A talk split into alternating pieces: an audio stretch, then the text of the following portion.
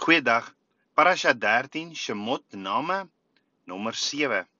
In Eksodus 4 vers 1 tot 9 staan: Toe antwoord Moses vir Abba Vader en sê: "Maar as hulle my nie glo en na my stem nie luister nie, maar sê die Here het nie aan jou verskyn nie."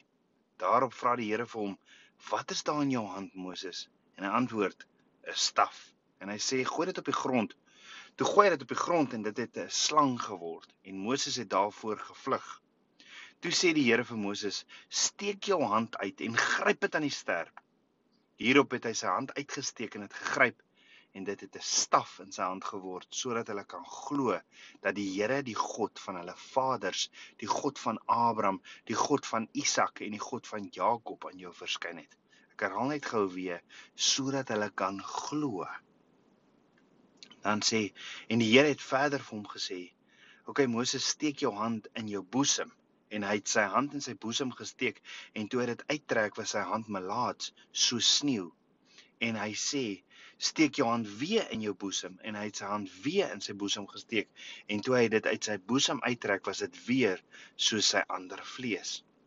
En as hulle jou nie glo en aan die eerste teken geen gehoor gee nie, dan sal hulle die laaste teken glo. Ek herhaal net weer wat sê Abba Vader. En as hulle jou nie glo Moses en aan die eerste teken geen gehoor gee nie, dan sal hulle die laaste teken glo. En as hulle ook hierdie twee tekens nie glo en na jou stem nie luister nie, neem dan van die Nyl se water en giet dit op droë grond uit.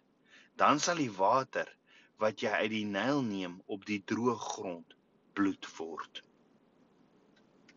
So ons het gesien Die eerste teken wat Abba Vader aan Moses gegee het was om die eerste groot leen van Farao dat die kinders van Israel se kruipende grillende dat dat die kinders van Israel soos kruipende grillende slange was in die lug te bring. So wat was die tweede teken nou weer? En was daar ook 'n leen daaraan gekoppel?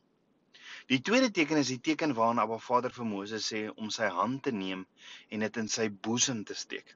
En as hy dit uithaal, was sy hand melaats, so sneeu, nê. Nee. En dan as hy veronderstel en dan is hy veronderstel om sy hand weer in sy boesem te druk en as hy dit dan uittrek, was dit weer soos sy ander vlees. amper asof die hele melaatsheid net een groot valsheid was. Net soos die slang nie regtig 'n slang was nie, dit was 'n stam. Soos hierdie hand nie regtig melaatsheid nie, dit is alles 'n leuen. Om agter te kom wat se leuen Abba Vader hier in die lig wil bring, moet ons dieper kyk na die melaatsheid.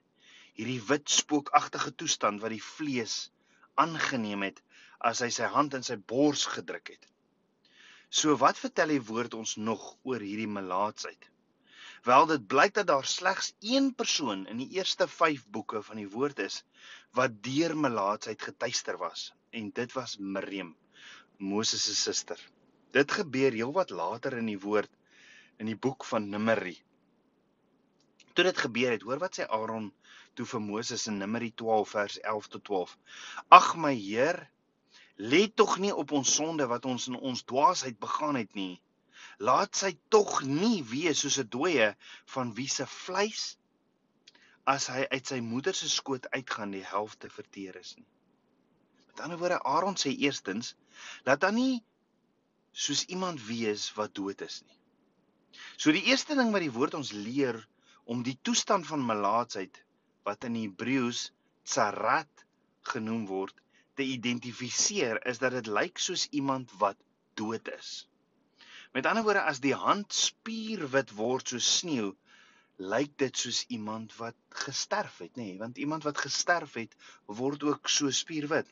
Maar dan sê Aaron verder wat 'n ander karaktereienskap bied van melaatsheid wat hy want hy sê ook as hy uit sy moeder se skoot uitgaan, die helfte verteer is nie. Met ander woorde Aaron identifiseer melaatsheid soos 'n baba wat in die baarmoeder van hom moeder gesterf het. Ah, so terug by die tweede teken. 'n Hand wat melaatsheid word sodra jy dit in jou boesem sit. Maar dit is 'n leuen. Dit is vals melaatsheid, want dit is 'n gesonde hand. Wat is melaatsheid? Dis soos die dood. Watter soort dood? 'n Dood by geboorte, 'n stillborn death. So wat was die tweede groot leuen? Dit was die illusie van 'n doodgebore baba. Onthou in Eksodus 1 vers 15 tot 16 staan en die koning van Egipte het met die Hebreëse voetvroue, een se naam was Sifra en die ander een se naam was Poa, gespreek en gesê: "As julle die Hebreëse vroue by 'n geboorteplek help, moet julle na die geboortestoel kyk. As dit 'n seun is, maak hom dood, maar as dit 'n dogter is, laat haar lewe." Met ander woorde, Farao sê: "Maak al die manlike babas in die geheim dood." Maar wat beteken dit vir die voetvrouens?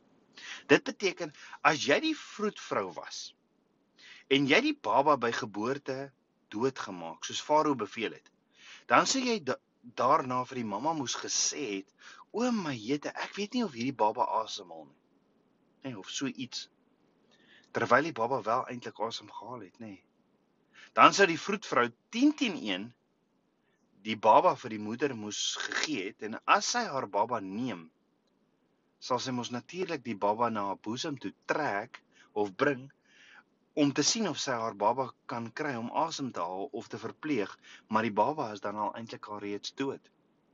So die mamma sou nie die baba gekry het om asem te haal nie. En net hier sou die mamma moes erken sy sy moes erken het dat die baba dood is dit moes dan 'n stillborn death gewees het. Dit was die tweede groot leuen van Farao. Want die waarheid sou gewees het dat die baba nie doodgebore was nie, maar dat hy gelewe het, maar deur die vroedvrou doodgemaak was. So laat ons gou weer teruggaan na die eerste teken, die teken van die slang.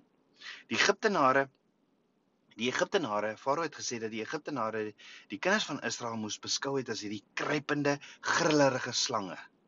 En wat sê Genesis nou weer oor die haat tussen die mens en die slang? Abba Vader sê vir die slang in Genesis 3 vers 14 tot 15: "Omdat jy dit gedoen het, is jy vervloek onder al die vee en al die diere van die veld. Op jou buik moet jy seil en stof moet jy eet al die dae van jou lewe, en ek sal vyandskap stel tussen jou en die vrou en tussen jou saad en haar saad." Hy sal jou die kop vermorsel en jy sal hom in die hakskeen byt. Met ander woorde, die mens sal probeer om die slang dood te maak deur sy kop te vermorsel. Wel die Egiptenare behandel die kinders van Israel so slange en maak hulle dan ook dood so slange. Tog sê die woord vir ons dat Farao met hierdie tweede leen nie ver gekom het nie want in Eksodus 1 vers 17 tot 21 staan maar die vroedvroue het God gevrees en nie gedoen soos die koning van Egipte aan hulle gesê het nie, maar die seentjies laat lewe. Toe laat die koning van Egipte die vroed, vroedvroue roep en hy sê vir hulle: "Waarom het julle dit nie gedoen en die seentjies laat lewe?" En die vroedvroue sê vir Farao: "Die Hebreëse vroue is nie soos die Egiptiese nie, want hulle is sterk voordat die vroedvrou by hulle kom. Dan het hulle al klaar gebaar." Maar God het aan hierdie vroedvroue weldadigheid bewys en die volk het vermenigvuldig en baie magtig geword. En omdat die vroedvroue God gevrees het, het hy huisgesinne aan hulle geskenk. Met ander woorde, Farao het die vroedvroue gevra: "Wat doen julle? Hoekom laat julle hierdie babas toe om te lewe?" Hulle sê toe vir Farao: "Jy verstaan nie Farao, hierdie Hebreëse vroue, Hulle is nie soos die Egiptiese vroue nie. Hulle is net soos diere. Hulle sorg net daarvoor. Hulle kraam voordat ons daar voor ons daar kan kom. Hulle het ons nie nodig nie en dit is onmoontlik om te doen wat jy van ons vra. En ons weet dit was ook 'n leuen.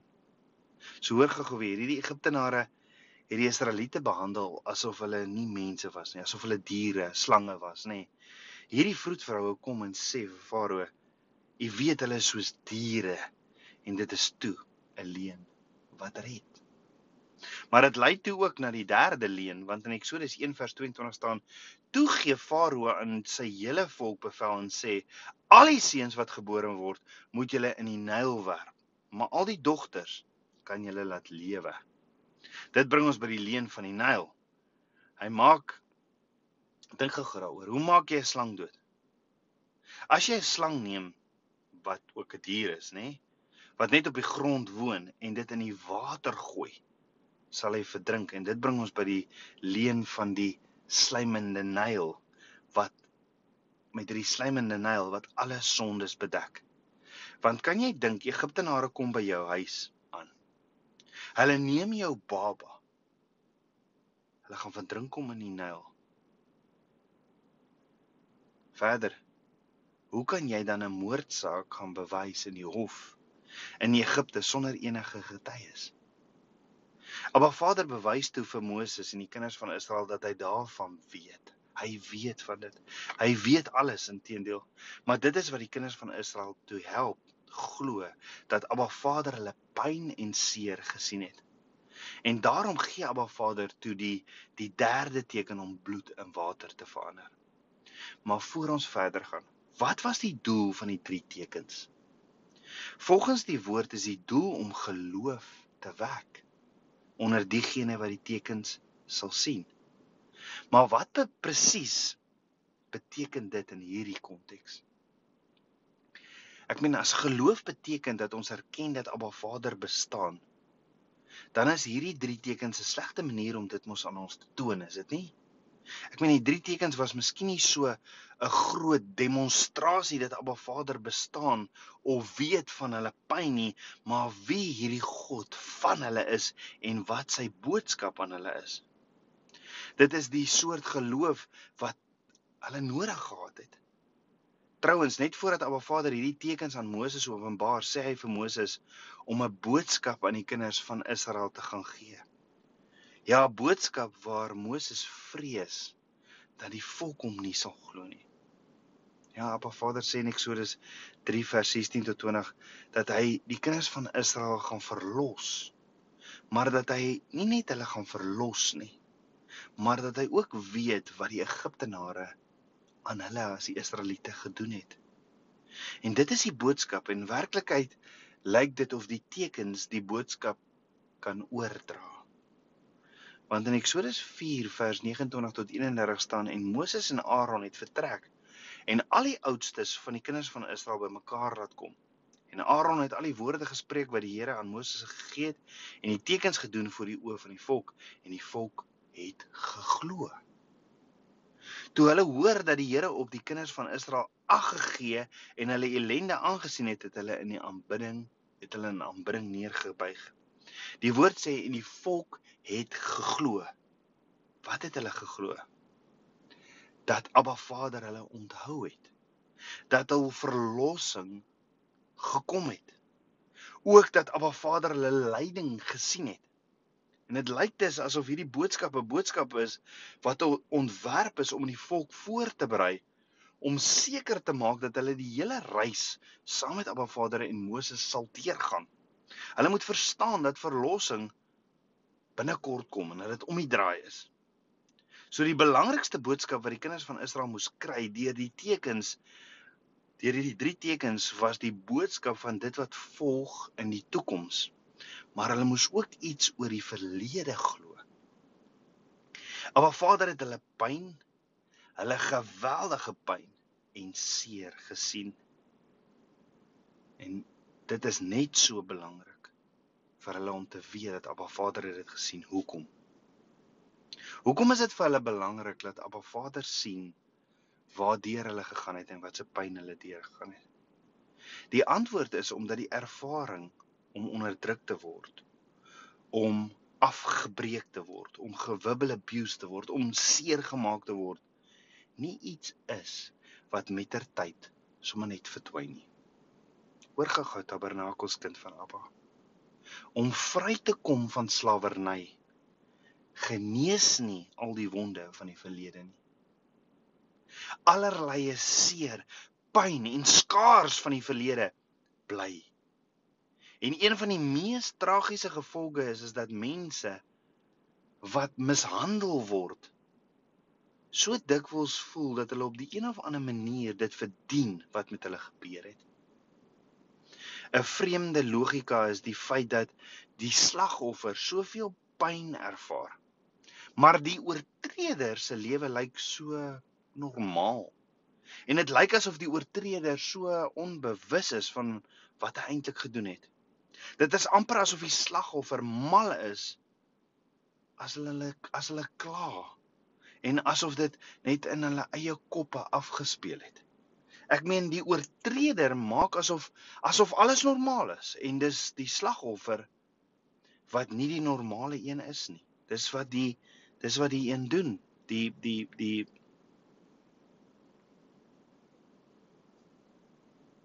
die oortreder. Dis wat die oortreder doen. Daarom moet jy van misbruik, seer en pyn van die verlede verlos word.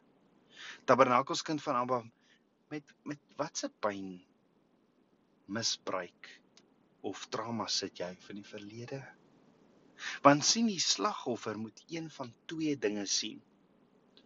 Of die aanvaller moet gekonfronteer word met wat hulle gedoen het en dat die slagoffer slagoffer nie mal is oor sy gevoelens en emosies nie en die aanvaller moet om verskoning vra vir wat hy gedoen het. Of kortom, as die aanvaller in ontkenning bly, dan moet daar gevolge wees. Soos hulle geweld kom op een of ander manier terug na hulle toe, die wiel draai. Die lang arm van geregtigheid word dan 'n bron van vertroosting vir die slagoffer. En hulp en help dan die slagoffer om te sien dat hulle nie mal is of hulle kop verloor het nie. Daarom was dit nie net vir Abba Vader genoeg om die Israeliete vry te maak en hulle uit Egipte land uit slawerny uit te haal nie. Hy kon nie net die mense verlos nie. Hy moes hulle ook verlos vir wat aan hulle gedoen is, die Israeliete. En hoe doen Abba Vader dit toe? Abba Vader se drie tekens aan Moses wys ons hoe Onthou toe Abba Vader hierdie tekens vir die eerste keer aan Moses gegee het, het hy vir hom gesê in Eksodus 4 vers 8 tot 9: "En as hulle jou nie glo en aan die eerste teken geen gehoor gee nie, dan sal hulle die laaste teken glo." En as hulle ook hierdie tweede tekens nie hierdie twee tekens ook nie glo en na jou stem nie luister nie, neem dan van die Nyl se water en giet dit op die droë grond, dan sal die water wat jy uit die Nyl neem op die droë grond bloed word. Met ander woorde, as hulle Moses nie glo na die eerste twee tekens nie, sal hierdie laaste teken van die water wat in bloed verander, die ding doen. So waarom sou hierdie derde teken vir die kinders van Israel so voor die hand liggend gewees het en wat beteken dit alles? Dink daaroor. Waaraan herinner hierdie derde teken ons? Dit herinner ons ook aan die eerste plaag toe al die water in die Nyl in bloed verander het, nê? Nee. So dit lyk asof hier in hierdie teken voorgeskryf word wat in die toekoms gaan gebeur. Maar laat ons net gou-gou dink aan die toekomstige gebeurtenis van hierdie eerste plaag van die water van die Nyl wat in bloed verander het. Dink daaroor. Is daar enige rede waarom Abba Vader dit die eerste plaag gemaak het? Ja. Die Nyl was die lewensaar van Egipte. Met ander woorde, die eerste ding wat Abba Vader gedoen het was om die Egiptenare te tref by hulle lewensaar, dit wat vir hulle van lewensessens was. Maar wat sou dit vir die kinders van Israel beteken het? Dat Abba Vader die Nyl in bloed laat verander. Of hoe sou dit die kinders van Israel laat begin besef het? Ja, Abba Vader weet presies. Weet presies wat die Egiptenaars aan ons gedoen het. Kom ons dink gou-gou terug. Wat dink jy was die ergste ding wat die Egiptenare die Israeliete aangedoen het in hierdie gedwonge slawerny? Dit was nie net rugbrekende arbeid nie.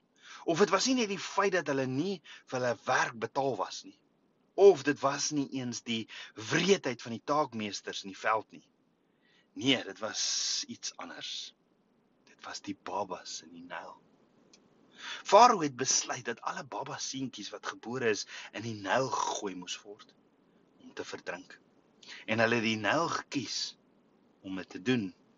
Ja, die Nyl was vir hulle 'n belangrike natuurlike hulpbron. Hulle hele ekonomie was afhanklik van die Nyl en nou gebruik hulle dit vir moord. Hoekom? Dink daaroor. Was daar was daar in vir wat, wat wat was daar in vir Farao om dit so te doen? Omdat die Nyl die misdade sou toesmeer. Jy sou die slagoffers nie sien nie. Met ander woorde, daar was 'n soort ingeboude geloofwaardige ontkenning. So kan jy dink hoe die Israeliete die gebeurtenis onthou? Ek meen jou eie baba. Hulle eie babas wat uit hulle hande geruk was, was in die Nyl onder die water gedruk tot hulle nie meer asem kon haal nie. Ek meen die dag sou sou vol gille en angs gewees het. Die babas wat uit die arms van hulle ouers, uit die arms van hulle mammas geruk word en dan sou die volgende oggend aanbreek en jy sou buite toe gaan en op een of ander manier sou alles volgens Egipte weer normaal wees. Hulle bad weer by die Nyl. Asof daar niks gebeur het nie. Die Nyl self het gehelp om hierdie misdaad te verberg. Maar hoor gegaan met die eerste plaag toe die water in bloed verander het, het die water net soos voorheen gelyk. Ja, soos die dag toe die babas van Israel vermoor is. Met ander woorde, dit was die eerste daad van geregtigheid vir die grootste misdaad in Egipte. Die waarheid sou nou in die lig kom. Daar is nie meer wegkruip nie. Die aanvaller word gekonfronteer met die werklikheid van sy misdade en wat vir die aanvaller as geregtigheid getel het, was die begin van empatie vir die slagoffer. Omdat die leuns in die lig is en verby is, die ontkoppeling verby is, hulle was nie mal nie en almal weet dit nou. Selfs meer as dit, Abba Vader wys dat hy weet. Dis van Abba Vader weet wat hulle aan julle wat wat die Egiptenare aan die Israeliete gedoen het. Dit is die eerste groot daad van medelee van Abba Vader. So op hierdie stadium in die Egiptenare 'n keuse. Hulle is gekonfronteer met die waarheid en die werklikheid van hulle misdaad. Hulle kon kies om die misdaad toe te staan, verskoning te vra en om die kinders van Israel toe te laat om te gaan om 'n Vader te aanbid en geregtigheid sou geskied het. Maar as hulle dit nie sou doen nie, as hulle die Israeliete verder sou onderdruk, sou hulle die leuen voortleef. En dan sou dinge verder vorder. Maar die vraag is Tabernakels kind van Abba. Net soos wat Abba Vader die Israeliete se pyn en seer ken. Net so ken Abba Vader jou pyn in Egipte. Hy wil jou nie net verlos van slawerny nie. Nee, hy wil geregtigheid laat geskied, Tabernakels kind van Abba, en hy het medelee vir jou en hy wil medelee aan jou bewys. Sal jy na hom toe hardloop? Kom ons bid saam. Abba Vader, skieper van my hart, Vader, ek loof en ek prys U. Vader, dankie, dankie dat U ons nie net red en verlos uit slawerny nie. Dankie dat U ons red en verlos uit slawerny. Maar dat U ons nie net red en verlos uit slawerny nie, maar dat U ook weet van ons elke diepste seer en pyn wat opgedoen is in Egipte en die wêreld. Vader, kom sit U hand op daardie pyn en seer.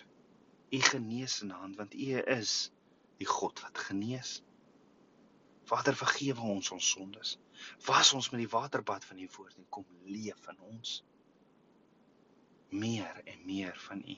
Ek bid dit alles in Yeshua Messie se naam, die seun van Jahweh. Shalom.